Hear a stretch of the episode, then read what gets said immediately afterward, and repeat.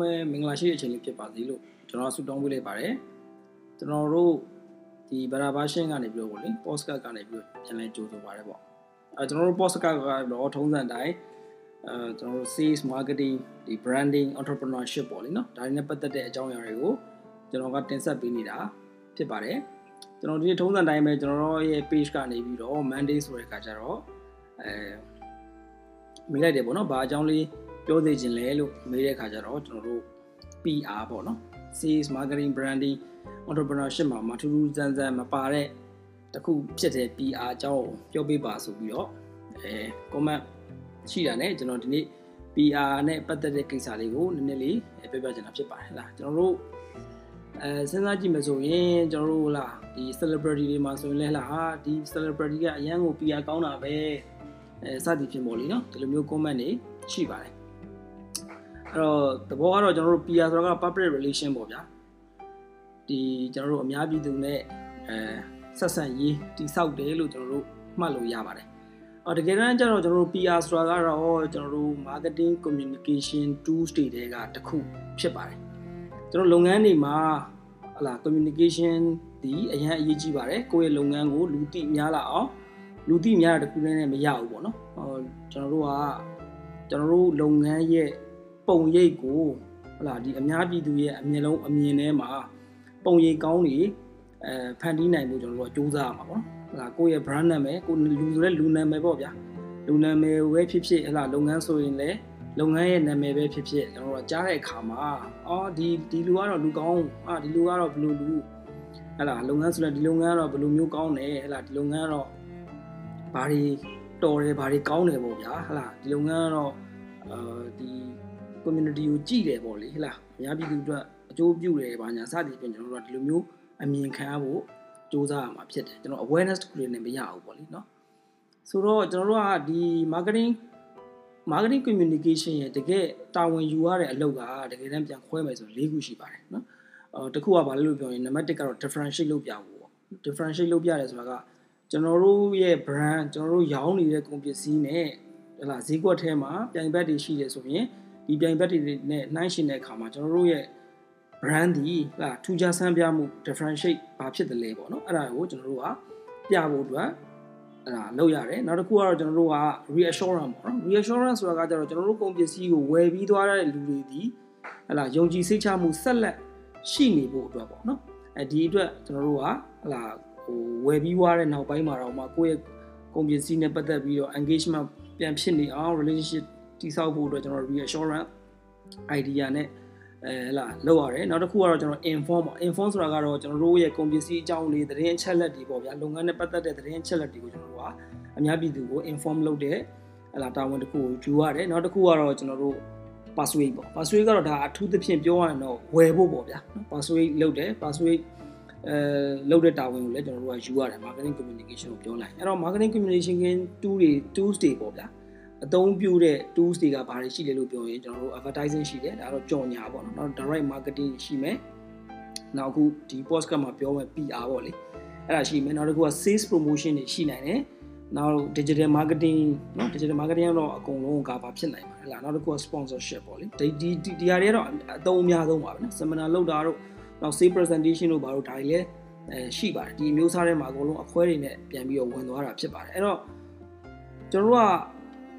ဒီ communication ရဲ့သဘောကအရှိမကျွန်တော်တို့ပြောခဲ့သလိုပဲကိုကျွန်တော်တို့လုပ်ငန်းရဲ့ပုံရိပ်ကိုအများပြည်သူ customer တခုတည်းမဟုတ်တော့ဘူးเนาะ customer customer ကိုပဲမဟုတ်တော့ကျွန်တော်တို့လုပ်ငန်းကိုသိရလို့ကျွန်တော်တို့လုပ်ငန်းနဲ့ပတ်သက်ဆက်နွယ်နေသမျှလူအကုန်လုံးဒီကျွန်တော်လုပ်ငန်းနဲ့ပတ်သက်ပြီးတော့အကောင်းမြင်ဖို့ပုံရိပ်ကောင်းတွေဖန်တီးနိုင်ဖို့ကျွန်တော်တို့ကစူးစမ်းတာဖြစ်တယ်အဲ့တော့ကျွန်တော်တို့ communication tools တွေထဲမှာကျွန်တော် non personal communication နဲ့ personal communication ဆိုပြီးတော့တခါပြန်ခွဲမယ်ပေါ့လေเนาะအဲ့တော့ ဟို PR ကတော့ဒါကျွန်တော်တို့ non personal communication အမျိုးအစားထဲမှာလို့ကျွန်တော်တို့ကပြောလို့တော့ရပါတယ်အများသောဖြင့် PR ဒီကျွန်တော်တို့လုပ်ငန်းရဲ့ထိန်းချုပ်မှုမှာ100%မရှိနေတဲ့မရှိနေတဲ့သဘောလေးရှိပါတယ်ဒါပေမဲ့ manage တော့ကျွန်တော်တို့ကလုပ်လို့ရတယ်ပေါ့နော်အဲဒါကတော့ PR ရဲ့ definition လို့ပဲကျွန်တော်တို့နည်းနည်းခေါ်ရအောင်ပေါ့နော် PR ဆိုတာဘာလဲပေါ့ဟုတ်လားအဲ့တော့ကျွန်တော်တို့က relationship လို့ ပြောလိုက်တယ်ဆိုရင်ဘယ်နေရာတွေမှာဘယ်သူတွေနဲ့ကျွန်တော်တို့ကတိဆောက်ကြမလဲဆိုတော့တခါပြန်ရှိလာပြန်တယ်အဲ့နံပါတ်1ကကျွန်တော်တို့က media relation ဆိုတာရှိတယ်နော် media relation ကိုကျွန်တော်လုပ်ရမယ် media relation ဆိုတာကကျတော့ကျွန်တော်တို့စာနယ်ဇင်းတွေဒီ journalist တွေနဲ့ပေါင်းပြီးတော့ကိုယ့်ရဲ့လုပ်ငန်းရဲ့ပုံရိပ်ကိုပိုကောင်းလာအောင်တည်ဆောက်ကြတယ်အဲ့တော့ကျွန်တော်တို့ကဆိုလိုတဲ့သဘောကကျွန်တော်တို့ရဲ့ brand ဒီ media တွေနဲ့ချိတ်ဆက်ကောင်းကောင်းရှိနေဖို့ လိုတယ်ပေါ့နော်ရှိလဲရှိတဲ့တယ်ပေါ့ဒါတစ်ချက်ပေါ့နောက်တစ်ခုကတော့ကျွန်တော် investor relation ဆိုတာရှိတယ်ကျွန်တော်မြန်မာနိုင်ငံမှာတော့သိပြီးတော့အဲ့ဒါကအရေးတော့ဟိုဒီဒီအပိုင်းကိုတိတ်လုံးလို့မရှိဘူးမြန်မာနိုင်ငံမှာတကယ် corporate level လောက်ရှိတဲ့ဟာမျိုးတွေဒီအနေနဲပါတယ်နော်တို့ကဒီဘုံဝယ်တာတို့လားဒီ share ဝယ်တို့ဘာဘာလို့ဆိုတာကလည်း public အနေနဲ့တိတ်မရှိတဲ့ခါကျတော့အရန်တော့အရင်တော့ဥမာကျွန်တော်တို့ဟလာဒီ financial industry အရန်ကိုတိုးတက်နေတဲ့နိုင်ငံတွေမှာဆိုရင်တော့ဟလာဒါကျွန်တော်တို့ရဲ့ company ရဲ့ financial statement ကိုစိတ်ဝင်စားတဲ့လူတွေရှိ investor တွေပေါ့ဗျာအထူးသဖြင့်အဲ့တော့အဲ့လူတွေနဲ့ကျွန်တော်တို့ကအချိတ်ဆက်လုပ်ဖို့ဟလာဆက်ဆံရေးတည်ဆောက်တဲ့ဖို့အတွက်ကိုလည်းကျွန်တော်တို့ကစဉ်းစားရမယ်နော်နောက်တစ်ခုကကျွန်တော် government ပေါ့ government တော့ဒါရှင်းပါတယ်ကျွန်တော်တို့ relationship တည်ဆောက်တဲ့အချိန်မှာဆက်ဆံရေးကောင်းတည်ဆောက်တဲ့အချိန်မှာကျွန်တော်တို့ကုန်ကျွန်တော်တို့လုပ်ငန်းနဲ့ပတ်သက်နေတဲ့ဒီအစိုးရပေါ့ဗျာဟလာအခုထားပါတော့မြန်မာနိုင်ငံလုပ်ငန်းဆိုမှစီပင်ပါငေါင်းပါနိုင်တယ်ဟဲ့လားနောက်အခွန်ဆောင်တဲ့အ ခွန်အခါဟာလူတွေပါမယ်ကိုယ့်ရဲ့သက်ဆိုင်ရာဝန်ကြီးဌာနပေါ်မှာခရီးသွားလုပ်ငန်းဆိုခရီးသွားဝန်ကြီးဌာနစသည်ဖြင့်ဒီလိုလူတွေနဲ့ကျွန်တော်တို့ကအဲချိတ်ဆက်ကမယ်ပြီးတော့ဒီလိုလူတွေကရှီကနေပြီးတော့ကျွန်တော်တို့ကထင်မြင်ကောင်းတွေပေါ့လေပုံရိပ်ကောင်းတွေတည်ဆောက်နိုင်အောင်လုပ်ရမယ်ပေါ့နောက်တစ်ခုက community ပေါ့ community ကတော့ဆိုလိုတာကကျွန်တော်တို့ကလုပ်ငန်းတစ်ခုတည်ဆောက်တဲ့အခါမှာကျွန်တော်တို့ရဲ့လုပ်ငန်းရဲ့ပတ်ဝန်းကျင်မှာရှိနေတဲ့လူတွေပေါ့ဗျာအဓိကတော့ဒီလိုပဲမှတ်ရင်တော့ပိုကောင်းပါတယ်နော် community ကတကယ်တမ်းပြောမယ်ဆိုတော့ကျေပါတယ်သို့တော်လည်းရိုးရိုးရှင်းရှင်းပြောရရင်ဥမာထားပါတော့ကျွန်တော်ကဒီမှာ စက်ယုံစောက်ထားတယ်ဆိုပါဆိုအဲ့ဒါဆိုကျွန်တော်စက်ယုံဘေးနားမှာရှိနေတဲ့လူတွေနော်ဒီလူတွေနဲ့ကျွန်တော် relationship ကောင်းတည်ဆောက်ထားဖို့လိုတယ်ပေါ့လေဟလာထားပါရုံငန်းဖွင့်ထားတဲ့တိုက်တိုက်တိုက်မှာပေါ့လေဟလာရုံငန်းဖွင့်ထားရဆိုရင်ကျွန်တော်တို့အဲ့တိုက်ကလူတွေကိုယ်တိုင်ကျွန်တော်တို့လုပ်ငန်းနဲ့ပတ်သက်ပြီးတော့ communication ကောင်းကောင်းလုပ်ဖို့လိုတယ် relationship ကောင်းတည်ဆောက်ဖို့လိုတာဖြစ်တယ်အဲ့တော့နောက်တစ်ခုကတော့ကျွန်တော် internal relation ပေါ့ internal relation ကတော့သဘောကတော့ဒါပြောရမယ်ဆိုရင်တော့ဟို HR ပါပဲနော်အဲကျွန်တော်တို့လုပ်ငန်းတွင်းမှာရှိနေတဲ့ဝန်ထမ်းတွေနဲ့ ကျွန်တော်တို့က relationship တည်ဆောက်ဖို့အတွက်ကိုကျွန်တော်တို့ internal relation ကိုလည်းကျွန်တော်တို့စဉ်းစားရမှာဖြစ်တယ်နောက်တစ်ခုကတော့ကျွန်တော် customer relation ပေါ့နော်ဒါလည်းရှင်းသွားပြီ customer လို့ပါတဲ့အတွက်ကြောင့်မို့လို့ကျွန်တော်တို့ရဲ့ဝယ်သူဖောက်တွေနဲ့ကျွန်တော်ဆက်ဆံရေးကောင်းတွေအဲတည်ဆောက်ဖို့လိုပါတယ်နောက်ဆုံးတစ်ချက်ကတော့ကျွန်တော် marketing communication မှာ PR ကိုသုံးပါတယ်ဒါကျွန်တော်ရှေ့မှာပြောခဲ့ကြပါပြီ PR ကတော့သူက marketing communication ဟလာ tools အမျိုးအစားတစ်ခုဖြစ်တယ်ပေါ့လေနော်အဲ့တော့ကျွန်တော်တို့က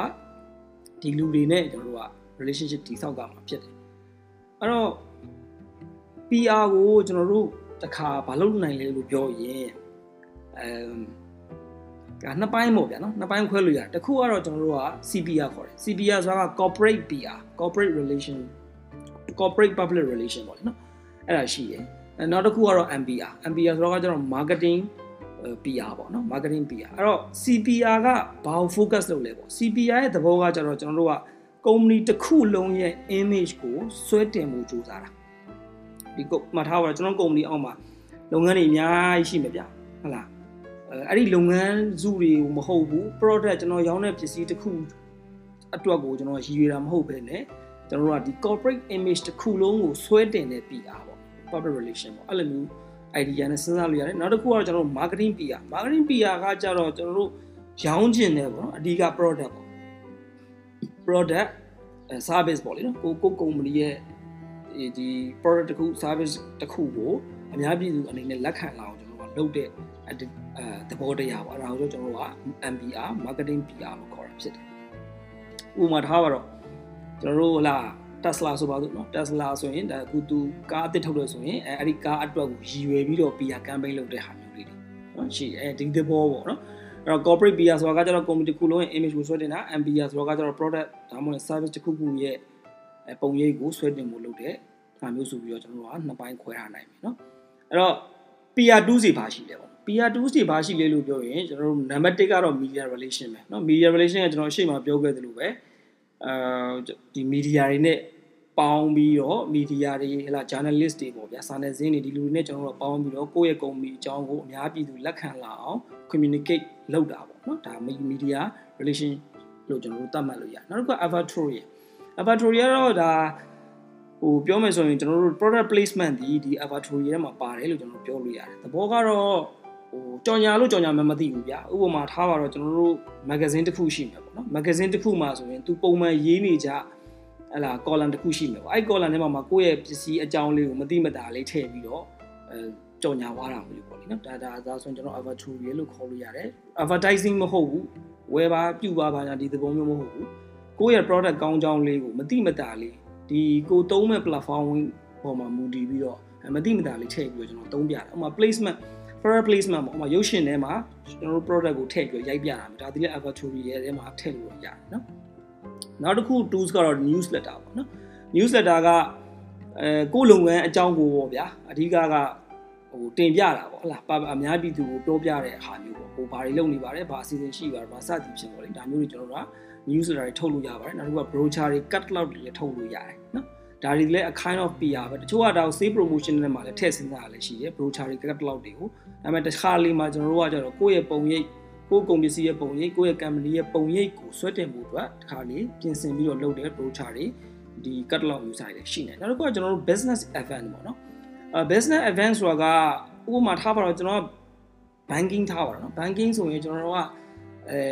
ကို product အကြောင်းကိုပဲပြောမှာပဲဒါပေမဲ့အဲ့လိုမျိုးမဟုတ်ဘဲနဲ့အများပြည်သူလိုအပ်တဲ့ banking နဲ့ပတ်သက်တဲ့အဲဘ ഹു တုဒရဖို့အတွက်ပွဲလေးတွေမျိုးကျွန်တော်တို့က season ပေးတာမျိုးတွေပါတယ်ဒါဒီ a kind of business event ပေါ့လေဒီလိုမျိုးကျွန်တော်တို့ခေါ်လို့ရပါတယ်နောက်တစ်ခုကတော့ကျွန်တော်တို့အထူးသဖြင့်ဒါလုပ်လို့ရှိတာကတကယ် top management ကလူတွေအထူးသဖြင့် CEO ပေါ့ဗျာ CEO လို့ဘာလို့ဒါကဟဲ့လားဟိုလုပ်တဲ့ activity မျိုးစားပေါ့ဒါကတော့ကျွန်တော် speaking engagement ပေါ့နော်ပွဲတွေမှာစကားတက်ပြောတာဒါမှမဟုတ်အဲ knowledge ဝင် share တာဒါမှမဟုတ် discussion တွေမှာကိုယ့်ရဲ့ company အနေနဲ့ဟလာဟိုကိုကကိုစားပြုပြီးတော့တက်ရောက်ပြီးတော့ဟ လာဆွေးနွေးတာဒါမျိုးဒါတွေကဘာလဲဆိုရင်ဒါ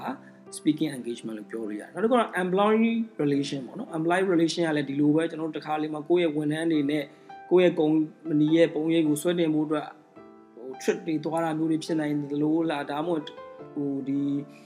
activity တွေပေါ့ဗျာဟလာကောင်းကောင်းကောင်း community ကိုအကျိုးပြုမဲ့ဟာမျိုးတွေလောက်တာမျိုးတွေဒါတွေလည်းဖြစ်နိုင်တယ်အဲ့ဒါကကျွန်တော်ဗာလဲဆိုပြောရင်ကျွန်တော် employee relationship ပေါ့ကိုယ့်ရဲ့ဝန်ထမ်းတွေနဲ့အဲ ဝန်ထမ်းတွေအတွက်ရည်ရွယ်ပြီးတော့လုပ်တဲ့ activity မျိုးတွေပေါ့လေဒါမျိုးတွေကျွန်တော်တို့လုပ်လို့ရပါတယ်နောက်တစ်ခုကကျွန်တော်တို့